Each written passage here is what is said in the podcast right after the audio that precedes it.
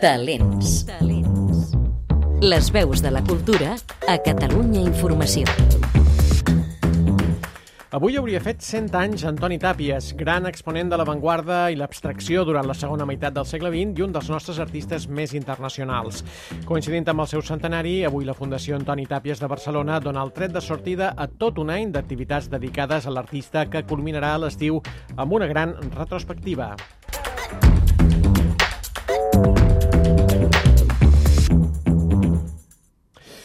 Parlar en profunditat de la figura d'Antoni Tàpies, saludam en aquesta hora Montse Mas, bon dia. Molt bon dia. Tot plegat arrenca aquest matí amb una jornada de portes obertes a la ciutadania. Exacte, entre les 10, re, d'aquí 10 minutets, Sí, sí. i les 3 de la tarda, qui s'acosti a la Fundació Antoni Tàpies, que recordem està al carrer Aragó entre el Passeig de Gràcia i la Rambla de Catalunya, doncs trobarà aquesta entrada lliure a dues noves exposicions i també podrà assistir al repàs de la biografia de Tàpies que al llarg del matí faran vuit artistes com Laia Estruc o Fito Conesa. L'objectiu d'aquesta jornada i de tot l'any Tàpies, que avui comença, no és tant descobrir l'artista, que ja és força conegut, sinó uh -huh. més que la ciutadania se'l faci seu, que el pugui reconèixer en qüestions que a ell li preocupaven però que continuen sent d'actualitat, com la ciència, l'ecologia, la justícia social, la llengua i la cultura catalanes o l'espiritualitat. Eh, escoltem com ens ho explicava Ima Prieto, que és la directora de la Fundació. Endavant. La seva pintura, com veurem, és més vigent ara, jo diria que gairebé a la seva època. A la seva època va tenir un reconeixement perquè formava part d'un moviment eh, pictòric, sigui l'informalisme, eh, entre l'arte pobre l'informalisme i altres corrents, però eh, hi ha sempre darrere les obres molts significats que cal anar esbrinant a poc a poc. I això és el que ara hem de fer, no? anar esbrinant tots aquests significats que han quedat, diguéssim, al darrere i que esperen, òbviament, ser repensats. I una d'aquestes qüestions, Montse, que més van interessar Tàpies eh, i que més van marcar la seva obra, tenim el budisme zen. Sí, i per això una d'aquestes dues noves exposicions que obren avui doncs està dedicada a aquest tema. Es diu Tàpies, l'empremta del zen. Són més de 40 peces, 15 de les quals inèdites, i se centra sobretot en l'etapa que va ser va anar des dels anys 80 fins al 2000, més, més o menys. Sentim Núria Oms, eh, que és la cap de col·lecció de la Fundació i la comissària d'aquesta mostra. veurem que l'obra de Tàpies s'apropa més al dibuix i deixa de ser tan moral. Veurem com recupera el traç del pinzell que havia pràcticament abandonat o gairebé abandonat amb les pintures matèriques.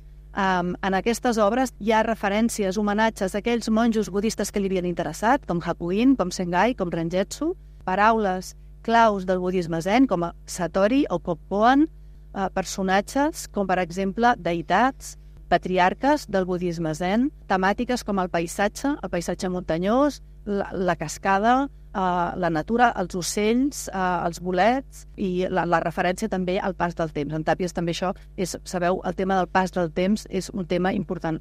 Una d'aquestes eh, quinzena d'obres que no s'han vist mai a la Fundació eh, és una gran pintura provinent del Museu de Ceret, eh, que ha vingut expressament per aquesta ocasió, i és una mà agafant un cassó i ens explicava Núria Oms que és una pintura que exemplifica molt bé aquesta influència del zen en l'obra de Tàpies. que un caso és aquesta quotidianitat, perquè una altra cosa molt important del budisme zen és que la il·luminació la pot atènyer qualsevol persona i eh, està en les coses corrents. Aquest és un ensenyament que ve del budisme zen i que és, forma part del centre de l'obra de Tàpies, donar valor a les petites coses i que allò, en allò petit hi ha tot l'univers.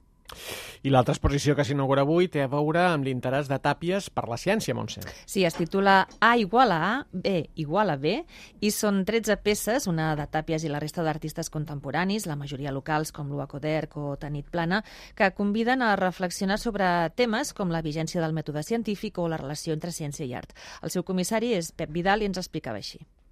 Tàpies era, li agradava molt la ciència. De fet, a la seva autobiografia diu que hi havia un llibre que es diu Nova visió del mundo, que és unes xerrades que es van fer a Sant Galen al 1950, i ell durant molt temps posa en l'autobiografia que el va tenir com a la tauleta de nit, que va ser un, una font d'inspiració per les seves peces. Aquestes xerrades són de pensament científic i són de com, filosofia científica, i llavors, d'alguna manera, el que fa l'exposició és portar aquest anàlisi o aquestes xerrades del 1950 a l'actualitat, no? és a dir, 70 anys més tard, com la ciència o com la societat hem integrat o estem relacionats amb la, amb la ciència. No? A mi em sembla molt interessant el fet de que dialoguin aquestes dues exposicions, la de Tàpies i Zen i la de A igual a A, B igual a B, dues maneres que Tàpies havia intentat com entendre el món, no? és a dir, des, de, des del pensament de la filosofia eh, oriental i des de la ciència. A més d'aquestes portes obertes i les exposicions que has explicat, al vespre tindrà lloc l'acte inaugural de l'any Tàpies, no? Uh -huh. Com serà? Doncs mira, hi assistiran representants polítics com el ministre de Cultura, -huh. Ernest Urtasun, hi haurà poesia i música. Eh, Raimon, amic de Tàpies, parlarà de com es van conèixer, recitarà el poema Terra Negra del 2006, dedicat a l'artista. Un altre amic de Tàpies, Jordi Savall, també glossarà la seva amistat i interpretarà dues obres, una d'hebrea i una d'àrab, en una crida per la pau a Gaza, i també hi actuarà Marina Herlop, imaginant què escoltaria Tàpies avui dia.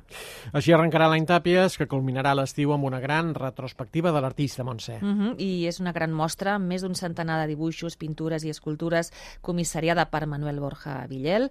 Eh, ara és a Brussel·les, al febrer passarà pel Reina Sofia i arribarà a Barcelona al juliol. Doncs hem analitzat a profunditat la figura de Tàpies i també doncs, tot el que tenim eh, per veure a partir d'avui i també durant tot aquest any que ve. Moltes gràcies, Montse Mas, us bon dia. ho perdeu, gràcies.